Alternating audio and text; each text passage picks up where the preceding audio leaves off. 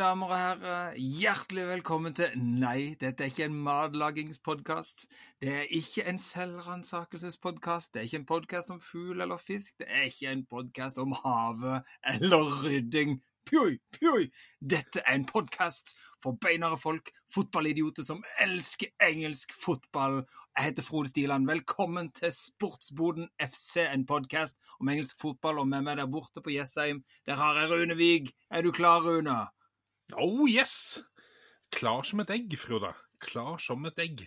Å, fantastisk. Eller- fantastisk. Eller et egg. Hardkokt eller bløtkokt, altså jeg vet ikke, men et egg i hvert fall. Ja. Et egg, ja. Et egg, ja. Det er jo, det er jo det klar som et egg, sier man, men altså, det, det er en vag preferanse for åssen egg liker man, liksom. Påskeegg. Ja, påskeegg, ja! Oh. Åh, det var riktig svar, Rune. Det var riktig Ja. svar. Nå, nå tenkte jeg tenkt jeg skulle dra en lang filosofisk greie om Vil du ha eggs benedict, eller posjert eh, eh, Skal du ha speil, men påskeegg ja, Selvfølgelig. Det er det beste. Det er det godeste. Du, Rune, hva har du gjort i helga? Har du hatt det fint? Ja, jeg har hatt det bra. um, Helgen Vet du hva, jeg var på en liten uh, festivitas. En liten uh, fest. Og Party, der, party? Ja, og der prata jeg med folk som uh, nevnte gamle legender som Lavessi, uh, han som spilte Paris Saint-Germain og Napoli ja, ja, og sånn, argentineren, som dro til Østen og spilte der etter hvert. Han spiller kanskje der nå, om jeg ikke tar helt feil. Jeg snakka med en som var Manchester United-fan, og det blir jo alltid god stemning av det. Nei, men jeg kunne mye fotball, og så hadde jeg òg en der. Og det er interessant, for det er ikke så ofte jeg møter på fest. Men det var Newcastle-supporter, Frode. Ja! Ja. Interessant, interessant. Og da begynte jeg eh, Altså, jeg måtte jo bare legge meg litt flat på den festen, for både Manchester United og Newcastle har jo hatt en bedre sesong enn Liverpool. Det må jeg enig om. Ja.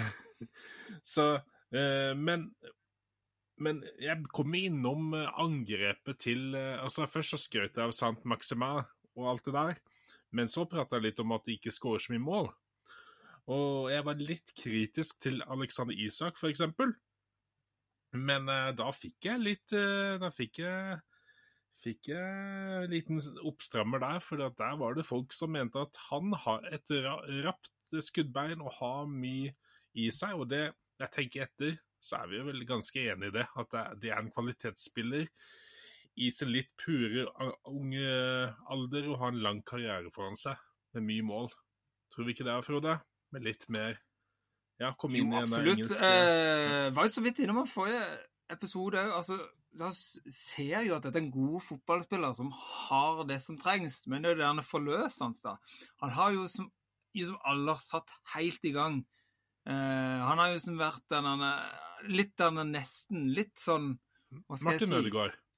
Martin Ødegaard. Ja, det er ikke forløst seg helt ennå. Og absolutt uh, Vi kommer tilbake til den kampen Ja. etterpå, hvor, Ja. eh, hvor han absolutt fikk markert seg. Og eh, så eh, Vi vil ikke si at han vi vil ikke si at han eh, Han er ikke en dårlig spiller, ikke et dårlig kjøp, men han er ikke den angrepsspilleren Newcastle behøver akkurat nå. Det kan godt være han blir det. Det kan godt være det rett rundt hjørnet. Ja. Eh, kvalitetene er der, men eh, han produktet er ikke levert ennå, for å si det mildt. Så det, det får de bare da får de bare bruse litt på fjærene og bli litt sure hvis de vil, disse Newcastle-supporterne. Jo, Eh, men- det er helt innafor.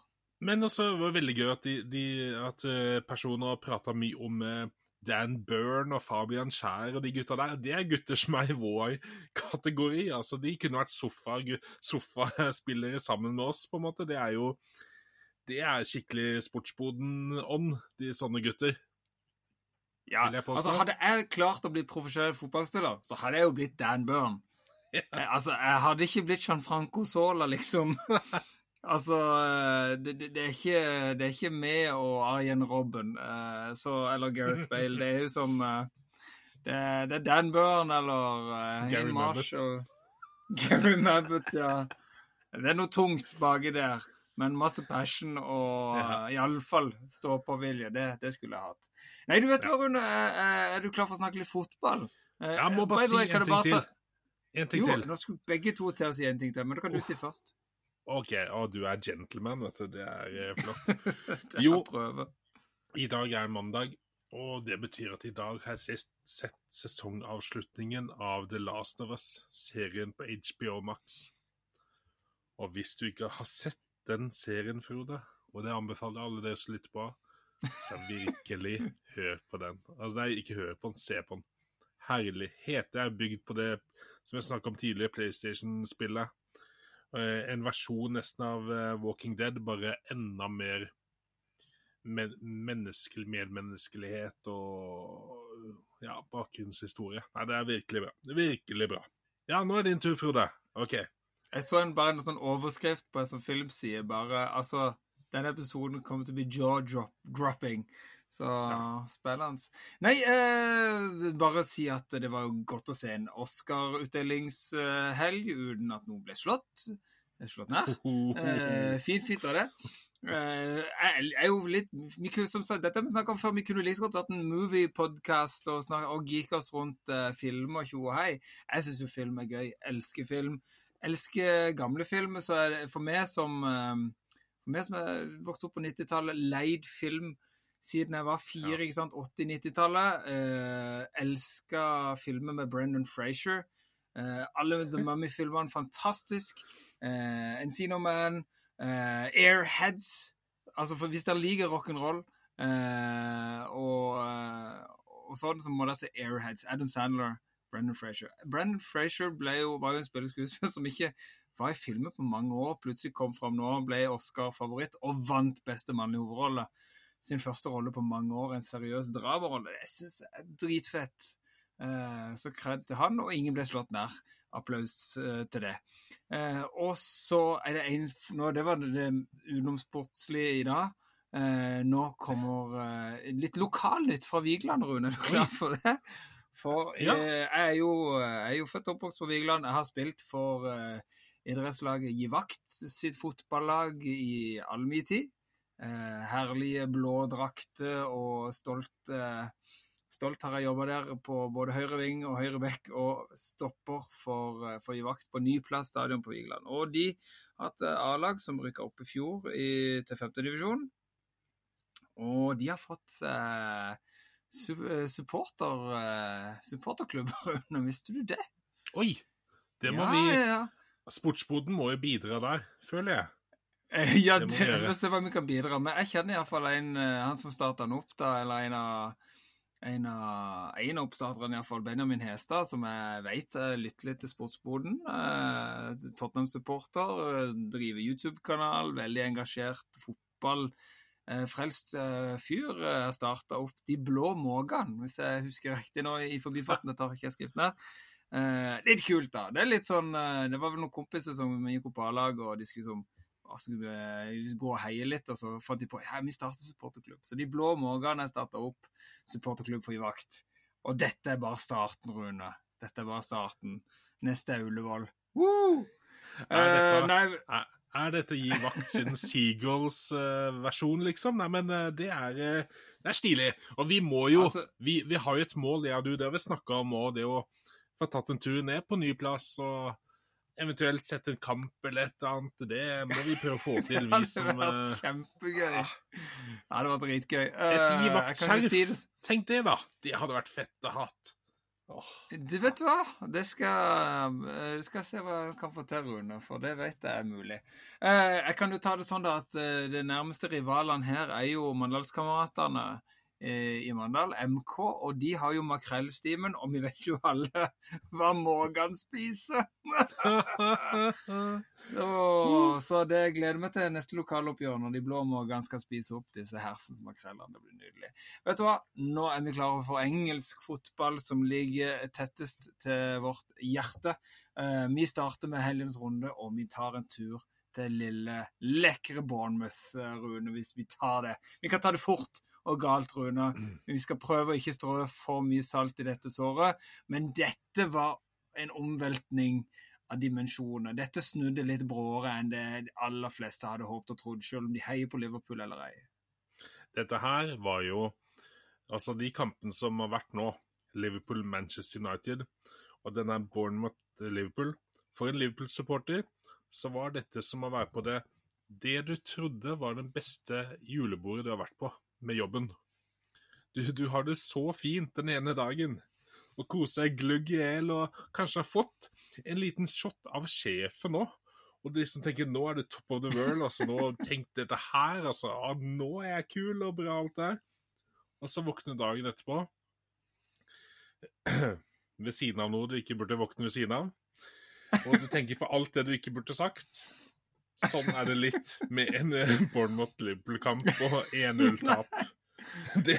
Du står liksom og svelger alle kamelene innenfor den før bare ja. Det tok visst litt for. Ja. Litt av sted, Du tar med deg buksa jo. og skoa og lister deg ut og bare Nei! Prøv å gjøre det så stille og rolig som mulig før, før noen ja, oppdager det. Nei, eh, kan jeg jo da si at eh, Altså, det, var, det, det, er jo lekker overgang. Eh, kan, kan, vi eh, Må jo trekke inn eh, Må jo trekke inn Altså, gjennombruddspasninga der er jo fantastisk, og det er løpsduell med, med van Dijk. Ja. Uh, og nå har mista, mista navnet på han uh, Bournemouth-spilleren som gikk, gikk, i løpsduell. Men det var jo litt sånn uh, Jeg følte det var lørdagskveld. Eh, det skal vi danse. Ut på parketten til tango går van Dijk og en Bournemouth-spiller. Og van Dijk du, og hans pine her har ikke han øvd, og han henger ikke med i det hele tatt. Og blir rundløpt. Og det er litt utypisk van Dijk i en sånn situasjon. På sitt beste det er noe som, eh, som, mangler litt. Det er noe selvtillit. Jeg vet ikke. Pondusen er der ikke helt. Uh, han er litt bleig. Jeg føler det er en situasjon han burde kunne presse, presse spillerne litt ut av posisjon enda bedre. Uh, altså jeg føler det, det kom litt lett, uh, dette målet til Bournemouth. men det var nok. Det var 1-0, det var det de trengte. og når Salah har stilt inn skuddfoten feil. Og vi som er Tottenham-supporter, som har måttet høre om dette skuddet til Kane i evighet, som ble blåst over mål i EM. Og de har sett memes hvor ballen ligger på månen, eller i, i uh, parykken til Donald Trump. Uh, så var det litt deilig at nå kan Sala overta den stafettpinnen, for den ballen gikk til helsike over mål og ut og vekk. Og og da ser det ekstra kjipt ut, og eh, Da er det ekstra kjipt å være Liverpool-supporter i dag. Og altså, Å vinne 7-0 mot United og så gå til, til jumbolaget Bournemouth og tape 1-0 Det er ikke sånn det skal være. Altså, det, det er, for, det, altså, det, det, er, det er så sykt ujevnt. Det er jo tippeligafotball på det verste. Ja, altså, det har ingen verdi å vinne 7-0 hvis vi taper 1-0 etterpå.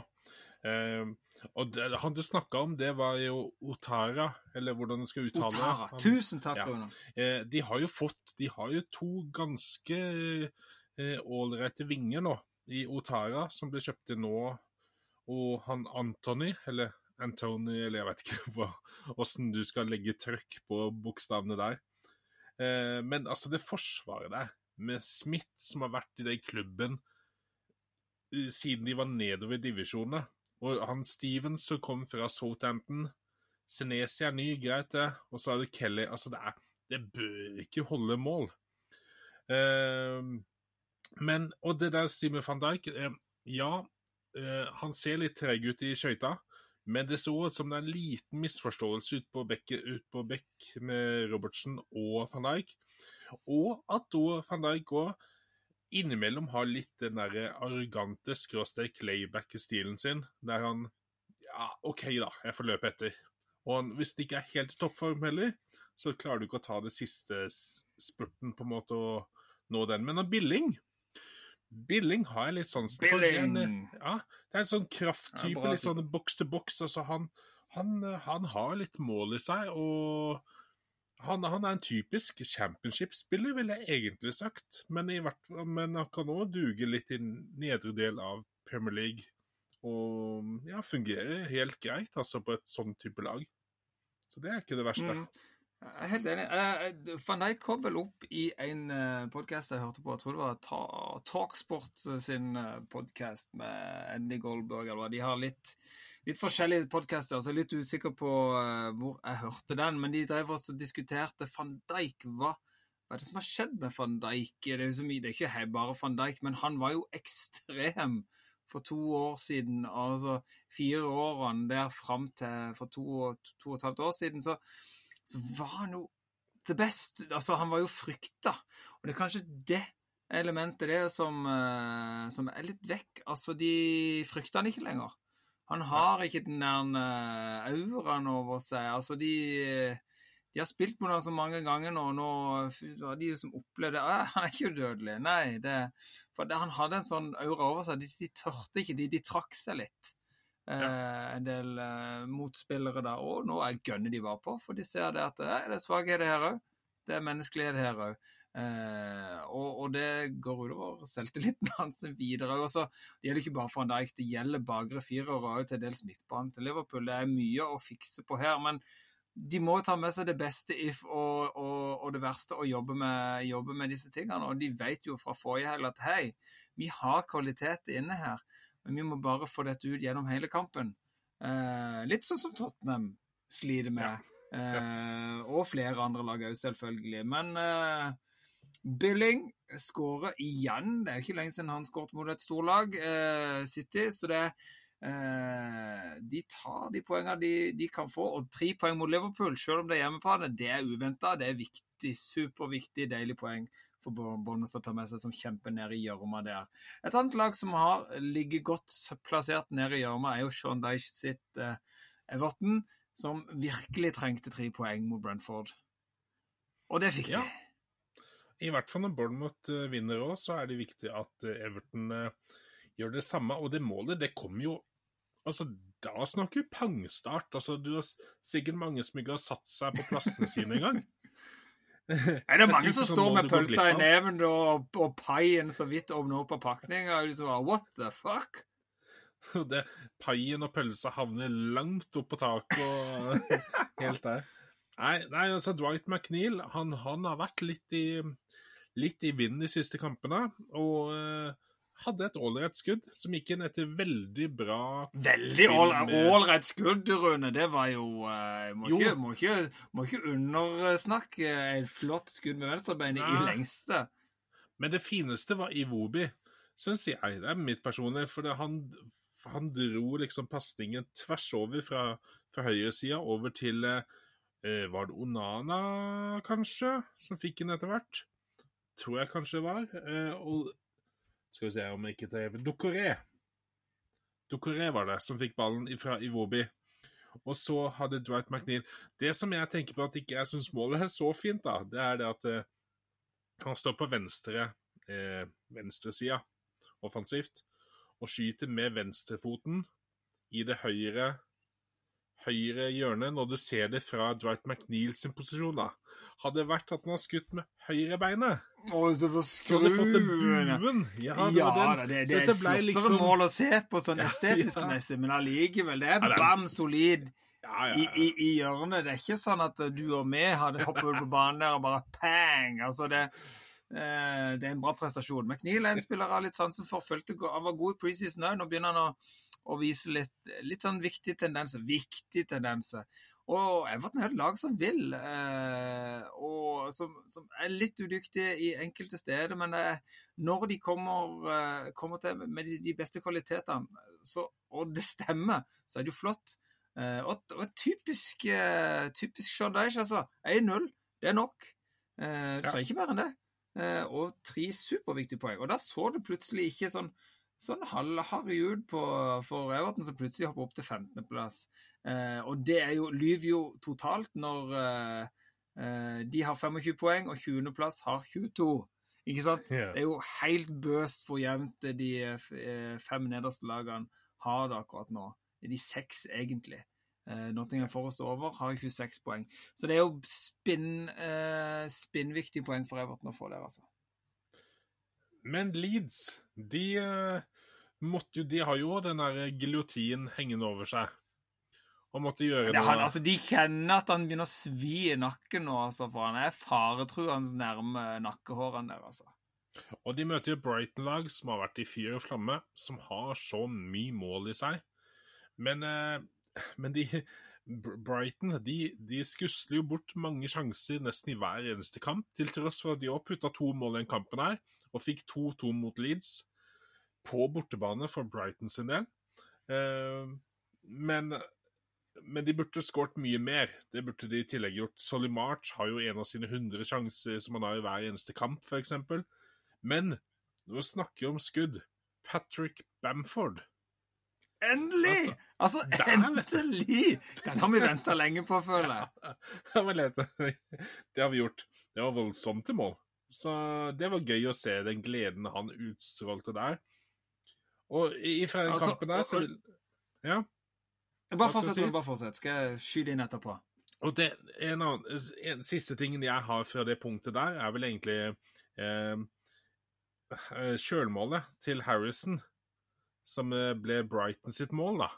Som egentlig kanskje burde vært Solly March sitt mål, men som Harrison var borti. Eh, altså, det blir Han skal klarere bort ballen, eh, og så er jo da Harrison er jo da på venstre, nesten i back-posisjon i forsvaret, ned for å klarere. Og så skal han, så kommer det ball fra høyresiden fra forsvarssida. Og så kommer han trillende på streken omtrent. Og istedenfor da å bare dundre den ballen bort med høyrefoten, som er nærmest, nærmest ballen, så skal den ta med venstrefoten og ytterskru den oppover. Som gjør da at foten til Solly Marsh, som da bruker venstrefoten sin, kommer, kommer, kommer raskere bort til ballen. Som gjør at han treffer, og deretter treffer Harrison, og så går han i mål. Så jeg blir sånn der klønete skal være så Han er så enbeint, Harrison der, som gjør at da han eh, skårer et sjølmål. Det, det var kløneri. Og det var klønete sagt av meg nå, men gå inn og se, så ser dere at det der, Harrison, det der kunne gjort annerledes. Ja, Det er godt at Harrison klarte å ordne opp igjen etterpå og sjøl sørge for at det ble 2-2 til slutt. Ja. Men må jo bare understreke Hvis dere ikke har sett målet til Bamford heller er, det er et av rundens fineste goller. Gå inn og se Patrick Bamford som endelig viste hvor målet skulle stå. Eh, flott, lekkert skudd i, i tverra, kryssstanga, ned i bakken og inn i mål! Flott mål. Og, bare. og viktige to eh, Altså, Eh, De skal jo helst ha tre poeng, men her tar Leeds de, de, Og det må de jo pent gjøre, men Brighton, som er i den formen de er Så er et ett poeng mot Brighton nå det er faktisk veldig, veldig bra for Leeds på dette tidspunktet, vil jeg tørre å påstå. Leeds nå ligger på nest siste plass foreløpig på tabellen, eh, og Brighton som ligger De som har veldig mange kamper eh, utsatt. Eh, De har bare spilt 24. Mange av lagene over de har spilt både 26 og 27. Eh, Så Brighton kan ligge desto høyere hvis de klarer å utnytte den, den poengtellinga de kan få der, og disse hengekampene sine. Så 2-2 Leeds, Brighton der, altså. Vi jumper videre i, bort til King Power Stadium. Og et Leicester som tar mot et Chelsea-lag som Det ser jo virkelig ut som eh, som eh, Graham Potter har klart å rote, be- fram eh, på bakrommet en, en, en taktikk og en skissebok som kanskje kan fungere, her, Rune, eller hva tenker du? Jo. Eh, jo, det er sant, det. Det er jo når du da vinner da eh, 3-1 på bortebane mot Leicester, selv om Leicester ikke er i det beste formen, så er det en god prestasjon. Men jeg bare liten sånn der digresjon. Chelsea må være det laget eh, Hvis man skulle lagd en tabell ut ifra annullerte mål, så burde jo Chelsea vært på toppen av den. Altså, her får de to annullerte er mål igjen.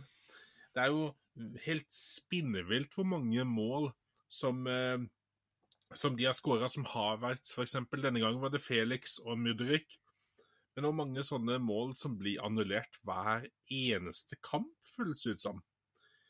Eh, nå ble denne kampen litt annerledes òg, av at eh, Krusty the Clown, eller eh, hva enn vi kaller han der midtstopperen i Leicester, Wood Faz Altså, det der, altså det er, Hadde jeg Ikke at jeg blir noen gang manager. Jeg skjønner ikke at jeg tør å spille med han. Nei, jeg hadde aldri brukt den, men det er Han må jo gjøre himla godt på trening. Jeg tenker Altså, det er Ja, Leicester jo- svar eller- på Jimmy Traore, som spilte i Liverpool, eller eh, Ja, et eller annet annet sånn trøbleri. Ja. Uff, da. Nei, Nei da, altså skal ikke holde en spiller det, det, det, det, er jo eh, Skal jo sies, jeg har jo sett en spiller som, som i noen kamper har vist at han har, eh, har noe i seg. Kan være duellsterk, men han gjør noen han gjør noe valg, han gjør noe uh, plass, Altså, det er kanskje under Altså, noen spillere er jo helt evneveige hvis ikke de har de rette spillerne rundt seg. Og akkurat nå på Leicester så er det veldig få spillere som har de rette spillerne rundt seg. For her er det et lag som har tapt de seks siste kampene, vel, eller noe sånt. i alle fall fem. Uh, under å være skråsikker, i alle fall fem kamper har de tapt nå på rad. Det er jo eh, det er ikke, De har ikke rakna engang. De har etsa vekk akkurat nå, lester Det er Så før vi på en måte Vi skal her, det skal den ikke ut. For det, det som iallfall vi som en supporter fort kan gjøre når et lag snur og vinner to kamper på rad, så friskmelder man laget litt og føler nå er vi på gang.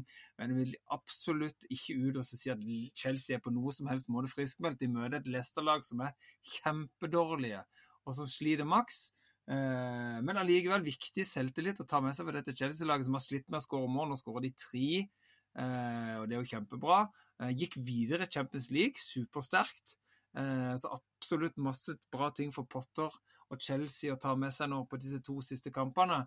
Men blankt nær noe friskmelding fra sportsbodens Frode Stiland, iallfall, på Chelsea. Men 3-1 til Chelsea på bortebane mot Leicester. Viktig for de, og kunne kanskje melde seg på i, i kampen om, om om uh, Europa League. Måtte du tenke For Champions League, Rune. Champions League. Der er, det, der er det Tottenham som skal. Nei. Eh, vi jumper videre, vi jumper videre. For nå skal vi ta en tur til Tottenham Hospital Stadium. Og jeg skal ærlig innrømme at jeg satt, satt meg der. Jeg er kjempelei av dette surret som min klubb holder på med. Elsker Tottenham. Jeg var Tottenham-supporter siden jeg var ni-ti år gammel. Men eh, dette surret her, nå er, nå er jeg lei. En, en, eh, en, trener som ikke, som eh, ikke vil ut og så si at han har lyst til Jo, han sier han har lyst til å, å fortsette som Tottenham-trener, men han vil ikke sette seg ned ennå og forhandle om noen kontrakt, og, og, klubben er vage. Og sjøl sier han òg han har, har lyst til tilbake til Italia. og Ting er så vagt, og, og prestasjoner på banen er så ustabile og med så sykt lite passion. Eh, og selv om vi drar ut her og vinner altså utseendemessig ganske solid 3-1 mot eh, Nottingham Kane fantastisk, skårer to igjen, oppe i 20 mål. Sykt bra. Han spiller på en klubb som Tottenham. Eh, sånn skårte mål. Yes! Men vi, vi, er, vi er, gode i, i 65-70 minutter. Så er vi gode, har kontroll. Og så er det bare noe som skjer. Uh, slipper vi inn et mål Vi er heldige at Fosser redder straffe. Det kunne sett sykt mye verre ut. Uh, for det plutselig mister vi hele piffen. Slipper de inn i kampen. Det kunne gått mye verre. Altså Det er noe uh, spinnfeil, men 3-1. Conte lever litt lenger. Uh, men det er jo alle kilder overalt sier nå at det er veldig lite sannsynlig at Conte fortsetter til sommeren, og da ser ikke jeg noe vits med å ha han der i det hele tatt Ennå kunne jeg en, ny, en uh, annen trener, hvis de har noen, da. Det det. Eh, dette handler jo kun om penger for Daniel Levy, ikke noe annet. Og det er jo en helt annen debatt. Jeg skal ikke gå inn på det. Så Tottenham-supporter gleder meg over tre poeng. Gleder meg over skårer og Kane skårer to. Sykt bra. Men jeg sitter igjen der med en frykt om at en Harry Kane Jeg ser ikke hvorfor han skal være interessert i å fortsette dette prosjektet her. Eh, kan du trekke fram det er noe som Det er jo en veldig debatt nå på alle forum eh, med Tottenham-supportere. Veldig mange vet at Pochettino vil tilbake. Supporterne vil han tilbake fordi de vet at han ble langt ifra backa opp i det hele tatt Ali Levi og gjengen, eh, som gjorde at laget forfalt noe så dyrisk når vi gjorde stadionbytte. Eh, det er en sånn debatt som har gått eh, lenge, og eh, supporterne gjerne vil ha Poch tilbake igjen. Alle vet at det, det lå ikke på han eh, egentlig. Eh, og så, så er det jo det òg, da, Eh, nå snakker jeg meg vekk. Nå snakker du med hjertet. Helt du. tråden. du snakker Å, med jeg hjertet. snakker med hjertet, og da har jeg bare lyst til å snakke om så mye. Ja, skal jeg fortelle uh, Skal jeg si en ting, Frode, for å helle litt kaldt vann i årene? Ja, si en ting. Ja, Ja. ja. Jeg gjør det. Ja, gjør det. Jeg må det. Eh, Gratulerer med seieren, forresten. Det det, Det ligger an til Jo, Champions League. det er alltid Det godt å vinne. Eh, enda et lag som jeg bør holde kjeft om når, i forhold til å være Liverpool-supporter og hvilke lag som er foran. Uh, men hvis du Si oss, da. Som eh, Vi jobber jo. Og hvis du ikke føler tillit fra din sjef, eh, så slutter du jobben. Eh, Uansett hvor mye du glad du er i Eller du gjør bare, gjør bare det du må. Ja, du gjør det du må, og så stikker du. Sant? Eh, du kommer ikke tilbake igjen til den arbeidsplassen du jobba før, til tross for at det er gode kollegaer, og du elsker stedet eller et eller annet sånt, hvis den samme sjefen styrer skuta, Frode. Tror du Pochettino Nei, drar det. tilbake dit da han ble behandla på den måten? Han har sjøl har har ut Jo, han har sjøl ut at han har lyst til å tilbake. Høflighetsfrase, Eh, hvem har problemet ikke gjort det? Pro, pro, pro, problemet til Pochettino er at, eh, er at han er for ordentlig i forhold til Han er ikke sånn som Mourinho. Han er ikke sånn som, eh, sånn som Conte, som, som går sånn sykt hardt mot hardt. Kanskje han har lært av det, kanskje han gjør det nå. Han har blitt en, en, en eh, med trener som har fått mer kjøtt på beinet, det vet jeg ikke. Det jeg skulle fram til i stad, Rune, det er det at mange snakker om hvor mye penger Tottenham har brukt. Eh, liksom, jo, har ikke Conte fått oppbacking? De har kjøpt for så og så mye. Eh, al- altså eh, I forhold til om Levi har backa opp Conte eller ei. Eh, for antageligvis har ikke Conte fått alle spillerne han vil ha. Sur for det, virker det som. Eh, men én ting er for sikkert at Tottenham har handla spillere flere enn de har brukt mer penger på et overgangsvindu nå enn de har gjort på mange år. Eh, Arsenal, eh, Arsenal lå på femteplass i fjor. Tottenham kom på fjerdeplass. Ja. Eh, fra i fjor til år så brukte Tottenham eh, 175 millioner pund på spillere. Arsenal brukte 14 millioner pund mer, altså nesten ingenting. Og de gikk fra femte, ligger nå på første. Tottenham ligger på fjerde. Har ikke skjedd en fucking shit. Ja. Eh, eh, Conte har samme statistikk nå eh, som, det, som det han godeste Nunes hadde eh, Altså fra eh, eh, jul til nå, som det Nunes hadde fra han starta sesongen til han ble sparka. Samme uttelling, faktisk poengmessig, og tap vinn. Eh, det skjer ingen progresjon. Det er ingen, ingen utvikling. Vi sitter fast i gjørma. Og det hjelper, og det hjelper ikke å, å, å si at Conte ikke er blitt støtta, for det har han. Men han krever Det er jo det som ble problemet i Inter. Han krever en syk stall. Så du den stallen han hadde i, i Inter når de vant? Ja, alders, og når de måtte begynne å selge spillere, ja, da er ikke han interessert. ja. Jo, jo, men han fikk jo lov til å hente inn det, det han trengte i bøtte og spann. Altså, de var jo dobbelt dekka opp i alle posisjoner med kvalitet. Altså, Christian Eriksen satt jo stort sett på benken eh, når han kom til den klubben. Eh, nei, vet du hva. Eh, jeg vil Og som Tottenham, altså uansett, som en supporter Hvis, hvis det, dere som nøytrale der ute har sett på Tottenham dette siste året er bikkjekjedelig Ja. fotball. Det er dritkjedelig fotball. Det er ikke gøy å se på, for det er så lite produktivt og kjedelig og, og tannløst. Så det, jeg vil heller som fotballsupporter se laget mitt kjempe om femte, sjette, sjuendeplass enn eh, å, å spille kjempeunderholdende fotball, hvor de kjemper, kjemper, prøver å spille. Angrepsfotball, kantspillere som, er, som suser opp og ned, og den type fotball, enn å se tafatt eh, bakover-fotball med masse støttepasninger, hvor vi håper på vi kan få til kontring og skåre 1-0. Heller det. Ja, Mye heller det. Det- sånn er det bare. er ikke det er det som har gjort at vi har blitt Tottenham-supportere. Det- Men det er en helt annen diskusjon. dette, er Nå må vi jobbe videre, Rune, før Ja. alle har skrudd av. dette er ikke Tottenham-fotball, det dere spiller nå. Det kan vi være helt enig i. Eh, vi går tilbake til Crystal Palace, Manchester City, da. For å ta et annet oppgjør. Ja, det gjør vi. Ja. Det er noe vi prater om noe, eh, prater om noe langt hyggeligere med norske øyne. For det er jo en nordmann som uh, Han starta jo som en uh, Han starta jo som et sånn hurtigtog i, i, i sånn kappkjøring med sånn gammel damplokomotiv. Altså, Erling Braut Haaland starta jo sesongen med to mål, tre mål, tre mål, to mål, fire mål! Altså, han var helt vill i bananas. Det har roa seg litt, men det var jaggu meg godt å se nettkjenning igjen fra nordmannen nå i helga. Ja, når jeg hørte han skårte, så sukka jeg litt, jeg. For det blir veldig Ofte høres ikke bra ut, det. Men, eh, men ja, det blir er voldsomt til mål. Men han fikk målet. eh, Og det er et City-lag som eh, kanskje ikke spiller på fulle sylindere, men allikevel er solide og har så mye mål i seg, til tross for bare ett mål. Graylish er frampå, Rodri har et beinhardt skudd de luxe. Eh, når det gjelder spillestilen, vil jeg bare ta det kjapt med City.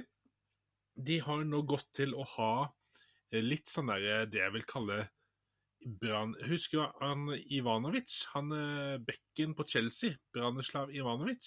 Ja, jeg husker han. Jeg likte han. en, nei, nei, men han var jo dritgod. En stående eh, bekk. Litt sånn når Carragher spilte back på Liverpool av og til, når han gjorde det. Det er sånn type back du får ikke i offensive bidragene, men du har det. Og det har de i litt mer atletiske versjoner, men litt det samme i John Stones og Ake, som nå er bekkene i City. Dette her blir jo Guardiola konfrontert med på intervju. At eh, eller han eh, intervjueren eh, han ville jo på en måte ikke snakke ned Ake og Stones, men han sa litt forsiktig at det er jo ikke sånne offensive bidragene som du har hatt tidligere. Og da sa jo Guardiola nei, vi har ikke Cancelo, så da må vi spille annerledes. Um, han kunne hatt Sergio, som han har på venstre back-mulighet, og han kunne hatt eh, Carl Walker, men han spiller òg med de her, fordi at de gir jo en solid, soliditet. Og på faste dødballer så har du mer, eh, mer skyts, da. Og den kan jeg se. Den er litt finurlig. Eh, at de kan bruke det For de har jo kun, når du ser offensivt, Foden, Silva, Graylish Det er jo ikke akkurat store bautaer, det der. Så, utenom Haaland. Og Haaland er, er, ikke Haaland, spesielt liksom. god på lufta. Haaland, ja, Ja, han er ikke så god på lufta, Haaland, heller. Faktisk. Nei, det er et forbedringspotensial, absolutt. Så da med- uh, som, så da eh, med som Ruben Diaz, full, Ake, Ake, Akanji og Stones. For de fire galeisoldatene til å være oppe i cornerområdet, og kanskje sette inn på Laporte i tillegg, da. Ja, da kan jo du jo rive ned en eh, murbygning, holdt jeg på å si. Det var veldig stakkato sagt, men, eh, men uh, og venter på et fantastisk bilde. OK. gøy. Jeg, jeg ser for meg sånn der ball. Sånn der, Det er et sånn ball når du skal rive bygninger, så kommer sånn svær sånn kule. Ja. Jeg ser for meg de, Ja, ja. de fire der løper opp og bare river ned målet. Så nettet faller ned I came in like a wrecking ball. Nei da, men han fikk det målet. Jeg ser for meg Dias der, svingende fram og tilbake, Ja. sammen med Miley Cyrus. Uh, nei, fantastisk. Ja. det var det er jo solid. Altså, og som du nevner i starten, i starten det blir litt sånn at Ja, han skåret igjen. Ja, ja. Altså, det, og det er jo fælt. Det blir sånn at en spiller skårer så mye mål at det blir nesten sånn Åh, igjen. Ja, ja. Uh, men vi må jo bare være så glad for at den gutten her han er norsk. han. Uh, 28 mål i Premier League første sesongen. Pff, Ohoi. Uh, det er helt vilt. Det er heldigvis ikke bare han som gjør det godt. For det er en fantastisk maestro av en fotballspiller som herjer, briljerer, dominerer i Arsenal. Dessverre for meg som Tottenham-supporter, men det er så gøy. Kapteinen i Arsenal er norsk. Han er fantastisk god. Han har skåret tosifret antall mål for eh, Arsenal i år. Han dirigerer det laget fra øst til vest. Han er så sykt god. Eh, og de går der bort på Craven Cottage, spiller mot et Fulham-lag som har hatt en fantastisk god sesong, men her hadde de ikke noe å stille opp med. Her var det ett lag på banen store deler av kampen, og det var The Gunners. Vet du, The Gunners spiller jo den type fotballen som eh, som jeg likte. Ikke si det! Jo, det, men hør, du veit ikke hva jeg skal si. Du veit ikke hva jeg skal Nei, si. nå trodde jeg du skulle si sånn som Tottenham skulle spilt, følte du skulle ta si. Bare take the piss on me. Ikke gjør det. Åh. Som, som, som Bare bær med meg. Som Tottenham gjorde under Luka Modric-tiden. Luka Modric-tiden, eh, når det hadde de der eh, ballspillende type litt van der Fart. Altså, det var, det var mye sånn derre det var, det, var, det var deilig å se på. Det, det var et lag som uh, kunne lene meg tilbake og bare nyte ballen. Jeg savner de. Jeg savner de. og sånn er det når Arsenal. Det gjør ingenting at de vinner i år, når jeg får se den fotballen og Liverpool ikke har sjans. Fordi at eh, Ødegaard, han er sånn deilig silkebokser. Du bør ikke ha han på deg, men veldig deilig å ta på. og Martinelli, han, han, han, han også virkelig har funnet de, de, raske, de raske brillene. Og eh, Trossard, altså han spiller sånn der falsk nier-aktig nå. altså han, eh, De der eh, feiringene hans han må snart begynne å tatovere fingre foran øya sine. nå, Så han får satt de der, for han putter jo så mye og har så mye målgi målgivende. Assistert i denne kampen var jo helt Tre målgivende. rå, altså. Holy macaroni. For en spiller. Ja, bra jobba. Nei, altså, Arsenal eh, Og det er jo det òg, altså det, det vi hadde mest mot Arsenal når vi analyserte de, det var jo bredden.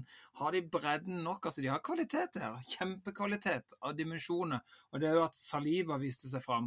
Hvis han klarte å, å bli den spilleren Arsenal håpte han skulle bli, og være med på å fikse det her forsvaret som har vakla i mange år, det, som har mangla, eh, så, kunne, så kunne det bli bra for Arsenal hvis de fikk til en bredde. Og de har klart seg så godt. Eh, med solide skader. Heldigvis for Arsenal del har de ikke hatt mange spillere skada samtidig. Trodde kanskje at når Gabriel Jesus forsvant lenge, at det skulle bli et problem. Men da har jo bare de andre spillerne møtt opp. Enkete har jo virkelig tatt på seg det ansvaret og vist seg tilliten verdig. Altså, Men når du har Martinelli og Saka og Ødegaard som skårer så sykt mye som de gjør, eh, i tillegg til at du har fått inn en, eh, denne belgieren Trossard som bare er osekvalitet, både i assist og i mål. Partai, eh, fantastisk. Sjaka er jo, er jo født på ny. Altså, det er jo, det er jo en gjenfødelse. Det er jo, det er jo en eh, Han er jo nesten Messias der han som går på, på med midtbanen. Og, og, og igjen Saliba. For en bauta baki der. Og ikke minst Ben White, høyrebekken.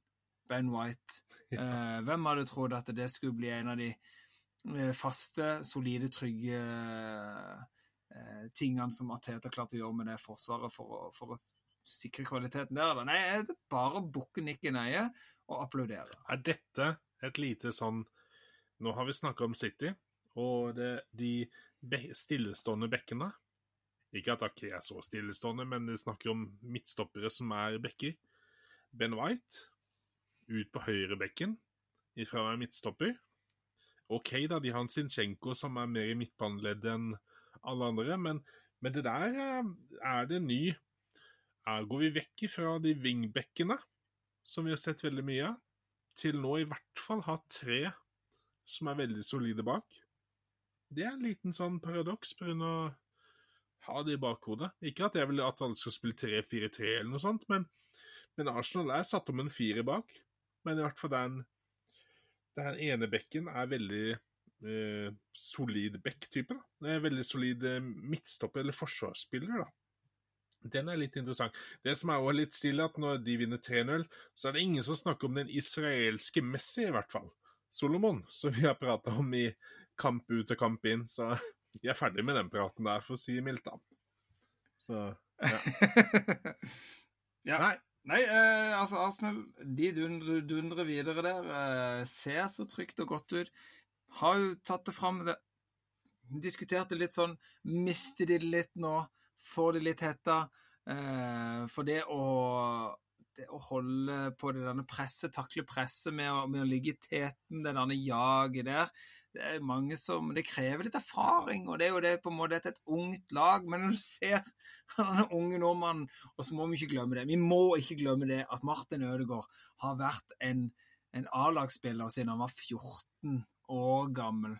Eh, og allerede da hørte han historie om hvor god han var til å lese spill, og hvor god han var til å tørre Altså Som 14-åring, når jeg var som 14-åring, og hvis jeg spilte med noen som var litt eldre, vet du, tørte jo nesten ikke foreslå noen ting.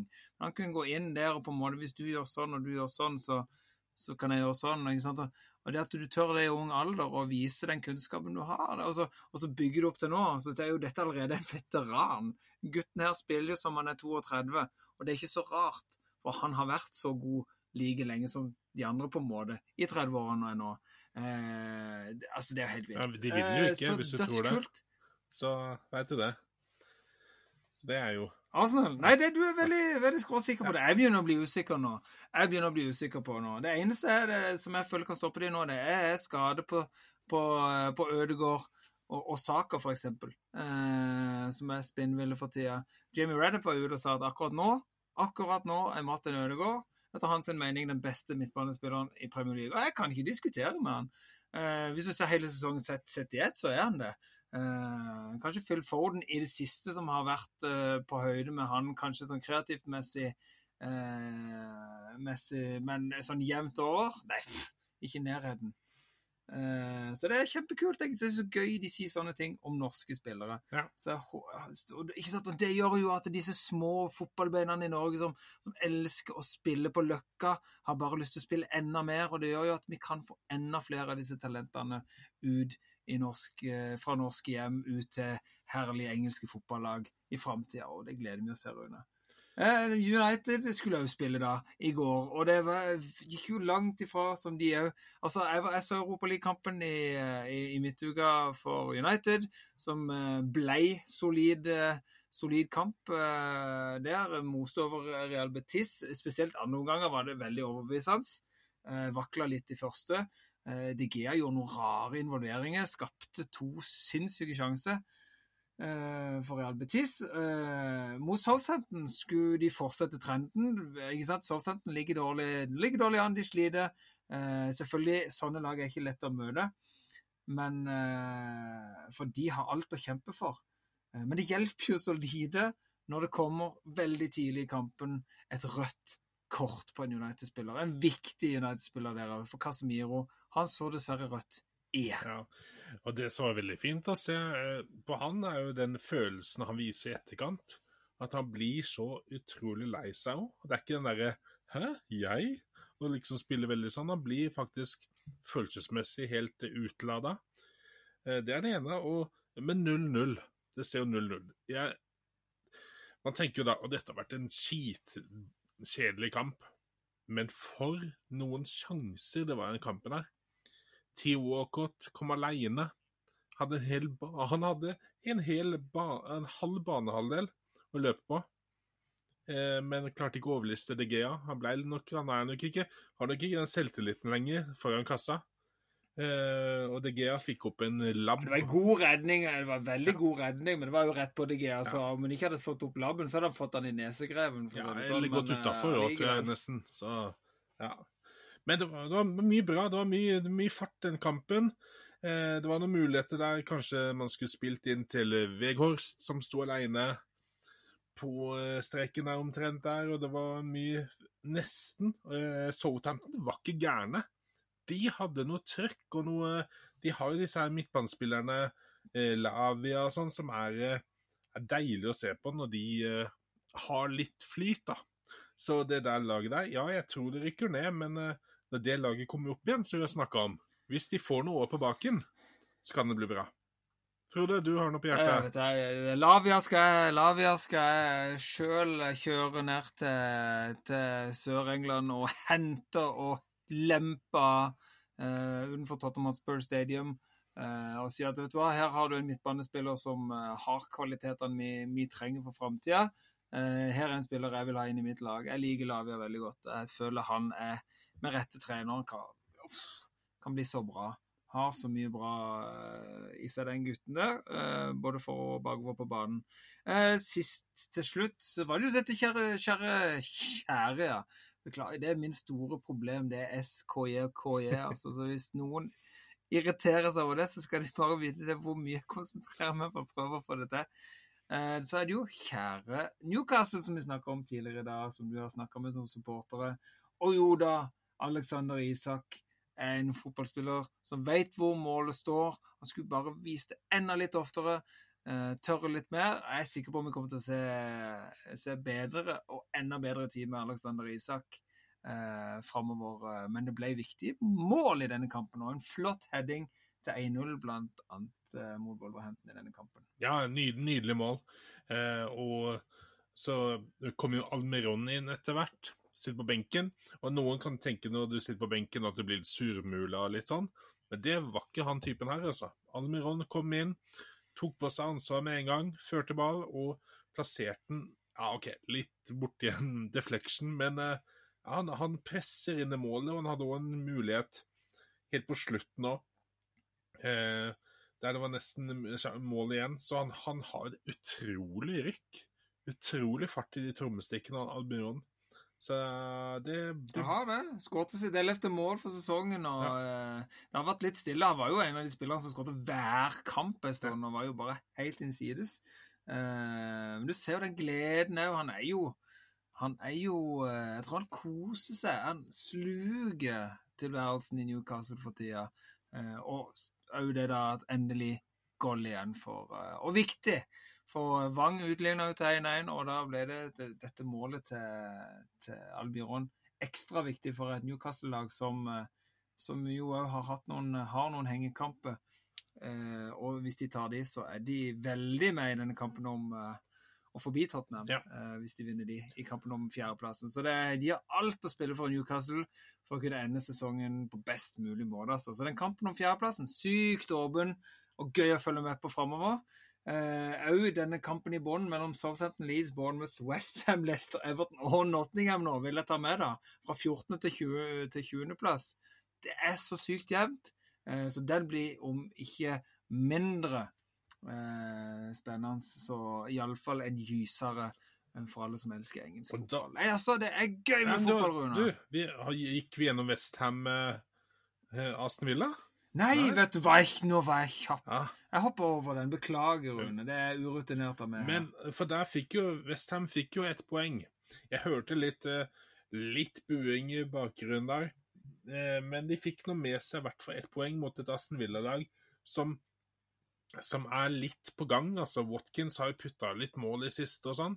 Så det Fire bortemål på rappen. Ja. Så, så han, er, han, er, han, er, påskrudd. Ings fikk jo ikke sin anførselstegn revansje mot Aston Villa, der han eh, dro ifra.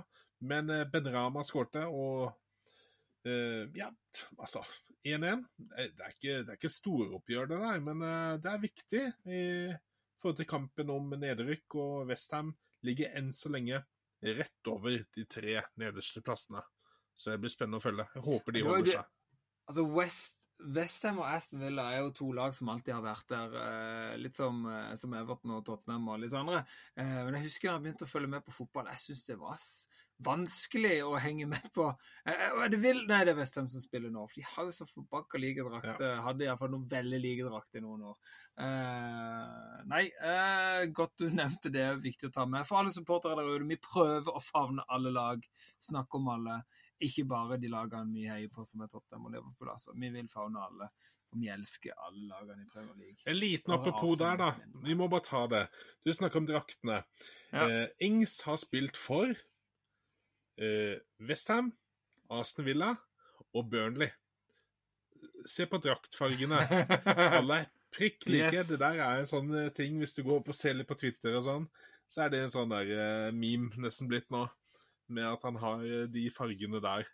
Vært gjennom alle lagene med det. Så det er uh, stilig.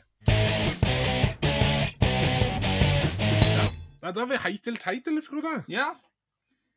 Da, Rune, da er det heit eller teit. Vi, må vi kan ikke unngå å ta med heit eller teit. Vi kjører fram uh, fryseboksen og gassgrillen og legger ut for dere hva vi syns har vært grisekult og bra, eller hva som har vært dårlig og heit. Uh, ikke heit, men kjølig og kaldt. Rune, hvor vil du begynne? Vil vi begynne kaldt eller varmt? Nei, vet du hva, jeg vil ta varmt, jeg. Jeg vil ta varmt. Jeg liker varmen, det er mye bedre enn kulden. Eh, og ta, dra rett og slett til King Power Stadium og prate om Chelsea. Jeg syns det er på tide. De fortjener noe. Uh, ja.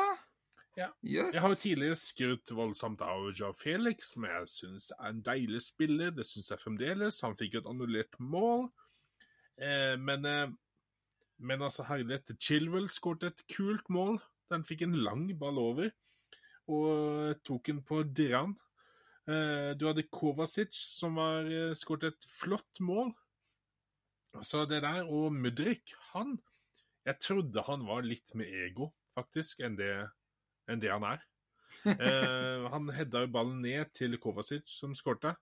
Eh, og slapp, igjen, slapp ballen ofte fint til andre spillere. og hadde en mål sjøl og feira voldsomt da, men det ble annullert. Men allikevel, det er et lag der nå som du ser kommer mer og mer til sin mer og mer på plass, og kanskje Havertz blir en spiss. altså Trossard spiller jo eh, falsk nier i Arsenal. Ikke at det er en spisstype, egentlig. Eh, kanskje Havertz kan bli det, med gode nok spillere rundt seg. Det er snakk om komplementære ferdigheter vi er ute etter, eh, som gode managere sier. Så nei, nei, men uh, Chelsea, watch out neste sesong. Vi har snakka om det. Dette er pre-season for Chelsea. De kommer til å gå for alle sylindere, full pupp, i august. Mark my words. Det, blir skummelt.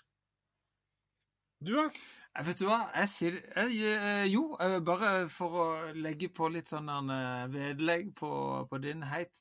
Jeg satt og tenkte nettopp på det som skjedde da, da Chelsea sparka Frankie Lampard, som eh, hadde en høst eh, Klarte liksom å skape et lite lag ut av det der. De kom seg som videre i, Champions League, og så, og så fabla de jo skikkelig. Så fikk han sparken, kommer Torhild inn. Men tar de videre i Champions League, tar de til finale og vinner. Eh, et bra lag der. Altså, kan Potter klare det samme? Klarer han å, å skape et lag ut av disse spillerne her, og, og kunne ta de ta de om Altså, jeg bare, jeg bare skaper min egen digresjon her. Jeg synes dette kan, kan vi få en déjà vu med Potter? Det hadde vært spennende, spennende og gøy for Graham Potter. Altså, Jeg liker Graham Potter veldig godt. Det er en, lag som, en mann som tok et lag fra ingensteds til å bli et solid topp ti-lag i Premier League. Vi snakker Brighton, altså. Eh, som har vist seg som et kjempetalent. Eh, som har vært under sinnssykt press. Og i en klubb som har vært i kaos med, med eh, eh, eierskifte og en amerikaner som er så trigger-happy med lommeboka. Det er helt skummelt, og så skal du komponere noe her. Tenk hvor gøy hvis han kan få noe ut av dette her før sesongen er slutt. Jeg bare slang det ut der under, så kan folk tygge på det hvis de vil. Eller så kan de bare dukke og ignorere, kaste det bak seg og la det som ingenting. Eh, I min heit vil jeg bare trekke fram at jeg syns det var veldig gøy å se en spiller som har slitt så med skade nå i de to siste sesongene. Altså han hadde, Jeg snakker om Leeds Patrick Bamford, som uh, i to uh, sesonger siden, uh, eller 2021-sesongen, kom med et brag. 38 kamper, spilte hver kamp. Uh, Skåret 17 mål. og det er jo kjempebra. Det er første sesongen oppe med Leeds. har vist seg fram der skikkelig. Fikk landslagsdebut. Eh, veldig gøy. Og så var det skade. Og så spilte han bare ni kamper eh, i 21-22-sesongen. Spilt 18 kamper til nå, og han skåret sitt andre mål. Det er jo krise. Men når han kommer inn og skårer sitt andre mål eh, på den måten, en suser med høyrebeinet, krysstangen der, pum, i mål. Ja. Fy fela deilig. Også så gøy. Så heia Patrick Bamford. Håper du holde deg skadefri. Håper du får føle den målfølelsen, feelingen i kroppen igjen, og kan bøtte innpå og hjelpe Leeds og holde de over, til, over nedrykksstreken. Altså, det hadde vært gøy. Så heit, heit, heit. Patrick Bamford i Leeds ja. United. Da kjører vi teit, teit, teit. Og så tar jeg eh, Vi har pratet om disse før, altså. Men uh, Crystal Palace har mange ferdigheter i sitt lag. Og selv om Guardiola sier 'Å, nei', Crystal Palace de har offensivt uh, arsenal. altså Det er mye bra. Saha altså, Han er en god spiller, altså, men han snakker om Ayu, han snakker om eh, de gutta der. Altså, De har jo ikke mål i seg for fem flate øre. Det er uh, På benken er Mateta og Edward. Edward kommer fra Celtic. Han hadde jeg faktisk lite håp for, men altså, han skårer kanskje ett eller to mål i en kamp, og man tenker nå er han i gang. Og så putter han ikke på ti kamper igjen. Uh, og så blir han bytta ut, og så kommer uh, Mateta inn. Og så går det fem kamper, så skårer han ett mål. Og så går det ti kamper til før han skårer et mål til. Dette er jo sånn Benteke holdt på med òg. Uh, og nå prøver de med Saha på topp, og Det er i hvert fall den spilleren som har mest X-faktor, i hvert fall. Men det er jo ikke ingen, ingen proven goalscorer. Men det kan man jo si om Trossard, da, eller om Harvard sådan. Det er jo ikke en spiss-spiss-type. Men eh, Nei, ai jo. Men Saha har da skåringsrekord for Crystal Palace. Han er den Crystal Palace-spilleren som har skåret mest mål for Crystal Palace i Premier League. Altså. Ja, det er kjempeviktig. Det er jo den, det er jo den Ja. spilleren de har som putter mål, eh, så du må bruke det du har i kvalitet, når ikke du har noe, noe som skårer mer eller bedre. Det er jo kjempesynd eh, for et lag som på en måte har vært litt, litt på vei opp, men sånn Så er det det som eh, De mangler spissen. Eh, du tror du har fått gourmetmat, og så var det lapskaus, dessverre, på boks igjen for, for Crystal Palace. Og det er jo synd for denne klubben som er liksom stuck Ja. in the middle. Det er forskjellen på Brentford, da. Brentford og Crystal Palace er Tonnøy, for å si det sånn. da. Kunne vært hipp som happ. Kunne vært uh, Jo. Altså, det er jo, det er jo Der har du da lapskausen, da. Altså, Du vet jo hva du får, det er lapskaus. Men så har de da vært og skaffa seg noen ingredienser som krydrer litt. ikke sant? De har, de har skaffa seg noen muskatnøtter og litt eh, vært og brukte brukt en sånn der eh, trøffelgris og sniffa seg fram til en Tony. ikke sant? Og så krydrer de den maten, og så blir det pokker meg noe av det beste lapskausen du får på markedet. Altså, det, det blir jo litt sånn, ikke sant? Du, du, du tror du får noe som er middelmådig, som- så er det dritbra. Eh, Og, i, og så har du da Crystal Palace som er motsetninga. Uh, Dæsken, den var jeg fornøyd med. Ja, deilig. Disse sulten, matmetaforene er jo Der er vi gode. Jeg tror vi begynner å bli sultne. Det har gått en, gått en time her nå, Frode. Nå må vi sette har... opp turboen her. Ja, beklager. Det er jo helt forferdelig. Uh, på min teit Jeg putter Lester der, altså. De er helt uh, de, er, de er ikke bare synkende skip, de er langt under vann. De har gitt opp for lengst, virker det nesten som. Det er, alt er rødt eh, når en ser på kampene nå på de, altså. Uh, fem siste i alle fall er tap, tap, tap, tap. tap. De slipper inn masse mål, klarer, og de skårer veldig lite. Eh, så det er lite å, å hente for de akkurat nå. Så dessverre, det ser riktig dårlig ut for Leicester, som eh, fort kan være et av de lagene som, som rykker ned i år, hvis ikke de virkelig klarer å reise kjerringa. Der henger mye på om eh, Madison er skadefri nok til å, til å bidra, for det er rett og slett en sånn kjip statistikk hos de at skal de vinne, så må de ha han på banen. Han er Én mann der er viktig for de, og det er han, altså. Det er James Madison. Eh, det var min teit. Uh, oppe i fryseboksen med de. Kanskje det hjelper de, for det pleier ofte å hjelpe en tur i fryseboksen for å snu trender. Eh, det har vist seg vellykka i sportsbonden. Runevik, du sa til meg at du hadde noe attåt i dag. Et rødt kort, kanskje? Ja, eh, ja, jeg vil gjerne at vi skal påpeke dette her og prate om det. Eh, For det er en eh, stor legende det er snakk om i Premier League eh, og engelsk fotball. da.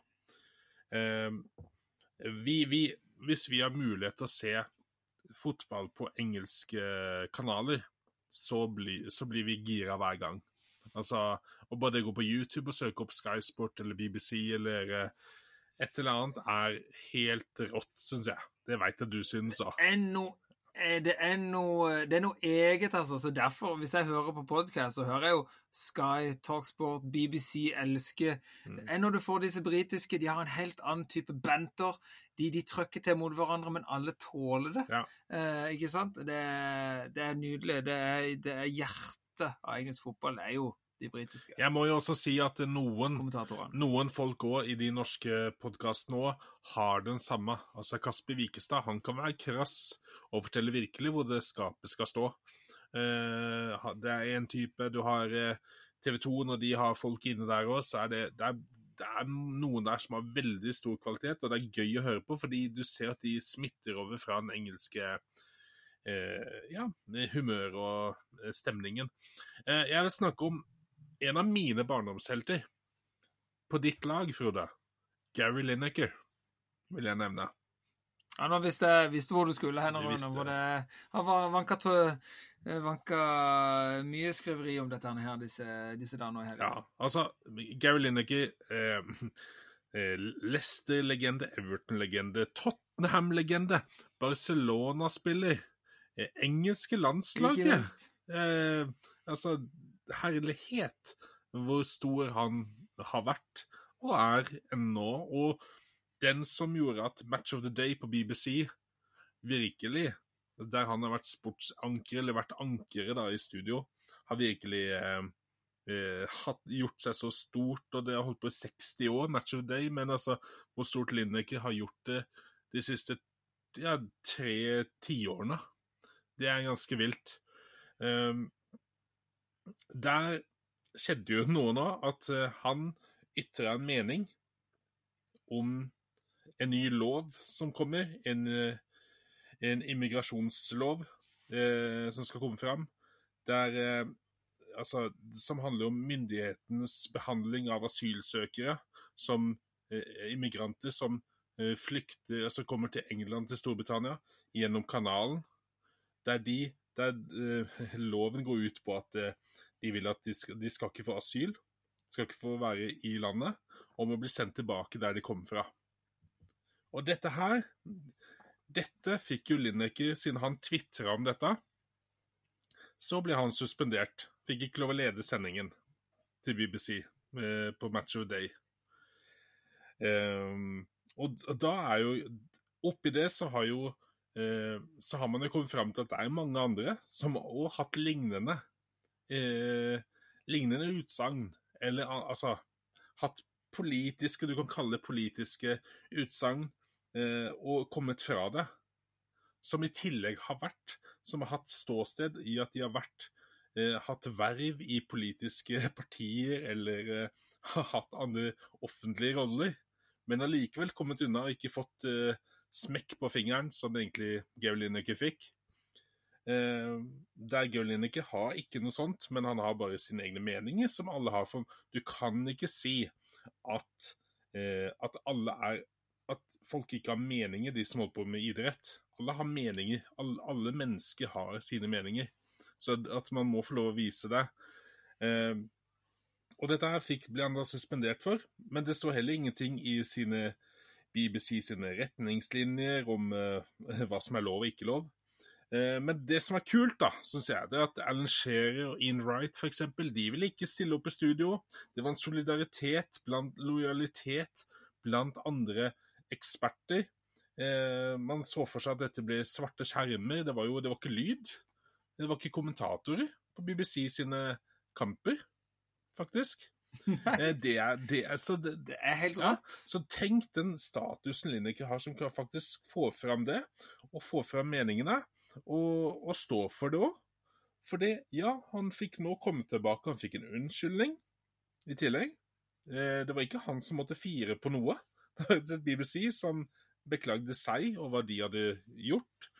Eh, og jeg leste Twitter-meldingen hans nå i etterkant, som han la ut når han fikk komme tilbake, for han har holdt seg helt tyst, da. Helt fram til nå, at BBC sa at OK, nå får han komme tilbake og lede sendingen. Så han skrev han masse. Men det siste han skrev òg, det var en siste tanke. Uansett hvor vanskelig disse dagene, de siste dagene har vært, kan de ikke måle seg med å flykte fra sitt hjem av forfølgelse eller krig og søke asyl i et fremmed land langt borte. Det varmer hjertet mitt å se empatien hos så mange av dere. Altså, allikevel så stopper han ikke. Altså, han eh, Ja, ok, han gikk langt og prata om, om Hitler-tiden og eh, Tyskland på 30-tallet, men allikevel. Dette er hans meninger, og han står beinhardt for det. Og jeg er jo helt klinkende enig med nå, da, det er nå så, men uh, ikke at, vi, vi, skal bli, at jeg skal bli sparka av sportsboden, for da, da, da sitter du aleine, Frode. men uh, Vi har ganske ja. Vi har ganske Vi, vi har høy uh, Høy Herregud. Ja. Høy takhøyde. Ja. Høy takhøyde. Ja. Dette syns jeg var veldig fint av ham å ha sånne meninger og stå for det, vise, og at folk ikke bare ble feige og tenkte å, nå er min sjanse å ta stolen hans, eller at de bare holdt tyst, for det er så mange feiginger ellers når det gjelder sånt. Men nei, det var bra. Det var kult.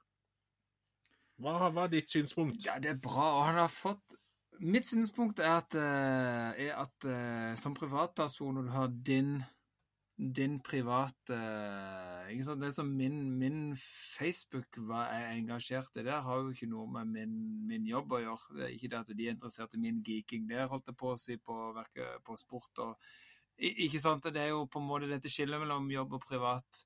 Eh, og politikk i England er jo er jo uh, beintøft. og der, uh, hvis alle, alle, som har sett disse videoene fra parlamentet når de står på hver sin side og skriker yeah og nei og, og buer på hverandre og står i ikke sant? Det er, det er jo det engelske. Det, det smeller fra levra, de sier meningene sine. Og det som du trekker fram som er så viktig, det er jo at det, det, er ikke bare han som gjør det, det er jo mange andre som ikke får noe som helst eh, noe, noe, som helst problemer med det i det hele tatt. Men plutselig kommer Geri Lineker, som er store stjerner, som bare oh, Altså, det er jo BBCs uh, eh, altså, Match of the Day er dritsvært. Altså, Fotballmessig er kanskje det mest uh, største programmet i England.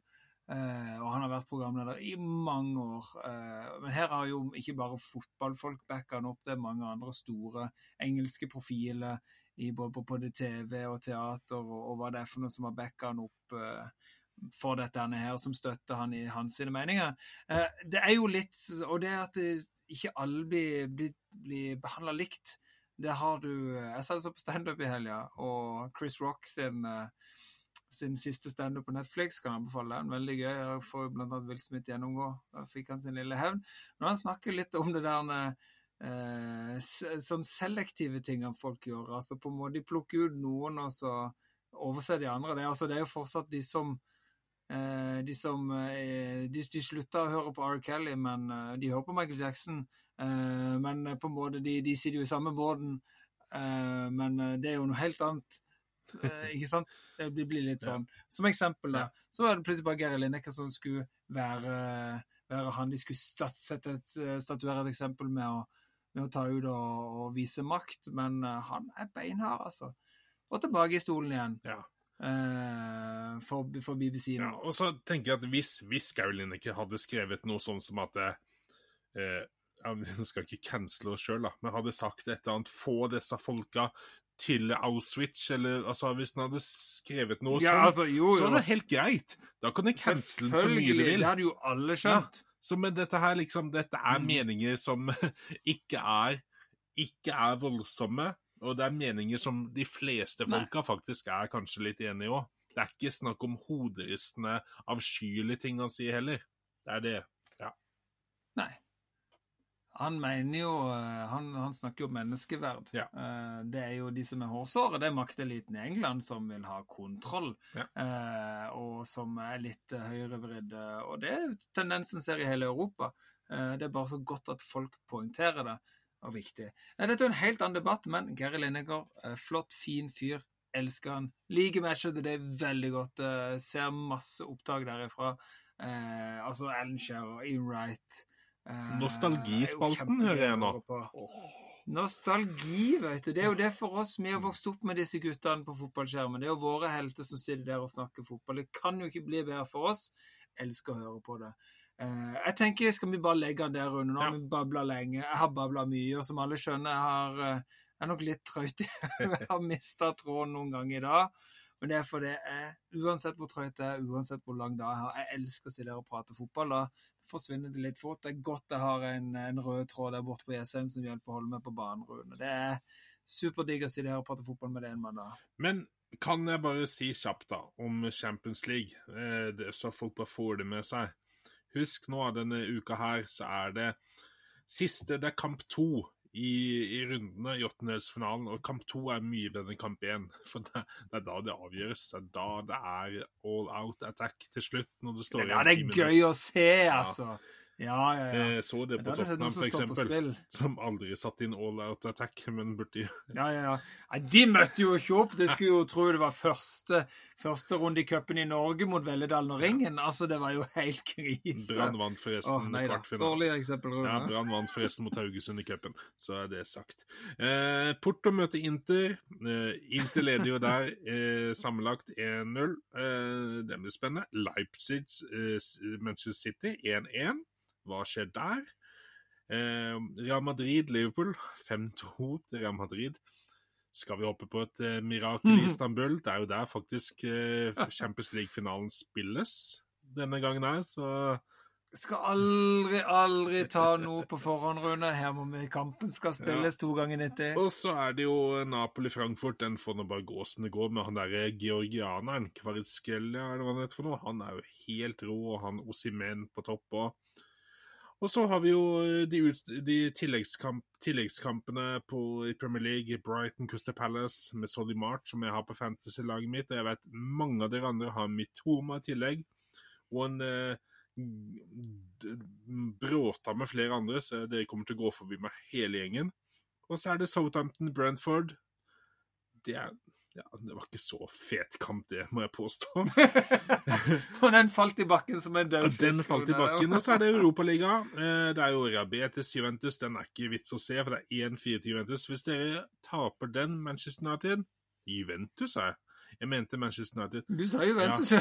Hvis Manchester United taper den, altså ryker ut når de leder 1-4 etter første kamp, da, er det, da får det fortjene det å ryke ut. Så Nei, det er mye spennende fotball. Det er fotball nesten hver dag, altså. Dette er livet. Det, er Frode.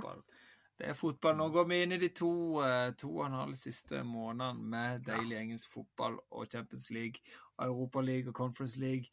Så det er bare å kose seg. Her er det mye som skal avgjøres i topp og i bunn, og det er langt ifra skreven i stein. Her er det historie som utvikler seg, og så kommer vi til mai, og der skal det endelig avgjøres. Og det blir spennende å se, Rune. Topp fire og hvem som rykker der. Heia alle dere som elsker fotball og hører på Sportsboden. Lik og del, kos dere og ha en fin fotballuke. Hilsen Frode og Rune i Sportsboden. Oh yeah!